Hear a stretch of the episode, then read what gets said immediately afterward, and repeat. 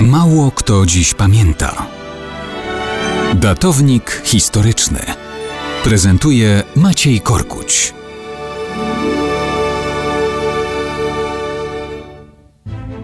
Mało kto dziś pamięta, że 17 kwietnia 1607 roku Maria Medycejska odniosła sukces. Nie, to Armand Jean Duplessis de Richelieu osiągnął sukces. No, w gruncie rzeczy to razem osiągnęli sukces.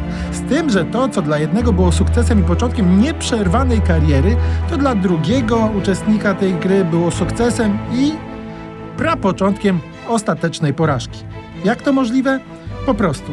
17 kwietnia 1607 roku najmłodszy syn dobrze ożenionego, zubożałego szlachcica Armand de Richelieu otrzymał sakrę biskupa Luçon. Udało się to dzięki jednoznacznej protekcji królowej Francji pochodzącej z florenckiego rodu Medici Marii Medycejskiej. To był początek kariery Richelieu, której konsekwentnie patronowała królowa. I to ona 15 lat później wywindowała go do godności kardynalskiej, a niedługo potem na stanowisko królewskiego ministra. Zgrany duet? Do czasu.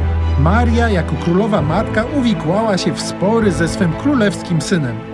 Richelieu stanął z czasem po stronie króla, dążąc do wzmocnienia jego władzy. Najpierw występował jako rozjemca, potem finalnie już jako potężny kardynał de Richelieu zwrócił się przeciwko swej protektorce. Konflikt obfitował w napięcia nawet o charakterze zbrojnym. To Richelieu doprowadził do pierwszego wygnania królowej z Francji. Kiedy powróciła, została ponownie usunięta z kraju. W latach 40. XVII wieku umierała na wygnaniu w kolonii do końca, szczerze nienawidząc swojego dawnego protegowanego.